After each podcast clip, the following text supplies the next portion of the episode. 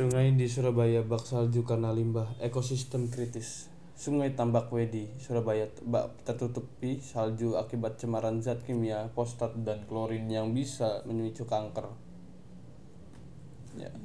Sampel air diambil dari tiga lokasi di muara Sungai Tambak Wedi dengan menggunakan alat TDS total dissolved solid kandungan ion terlarut dalam air pengukur fosfat amonium pH meter klorin dan plankton net untuk mengambil sampel mikroplastik peneliti KTP Mihaful Rohmah mengatakan kandungan fosfat dan TDS yang ditemukan di tiga lokasi itu telah melebihi ambang batas baku mutu air. Kandungan fosfat yang ditemukan yakni sebesar 45 ppm part per million, sedangkan TDS mencapai 4015 hingga 5012 ppm. Padahal untuk baku mutu air, sungai parameter TDS harus lebih kecil 1500 ppm dan kadar fosfat tidak boleh lebih dari 5 Hah?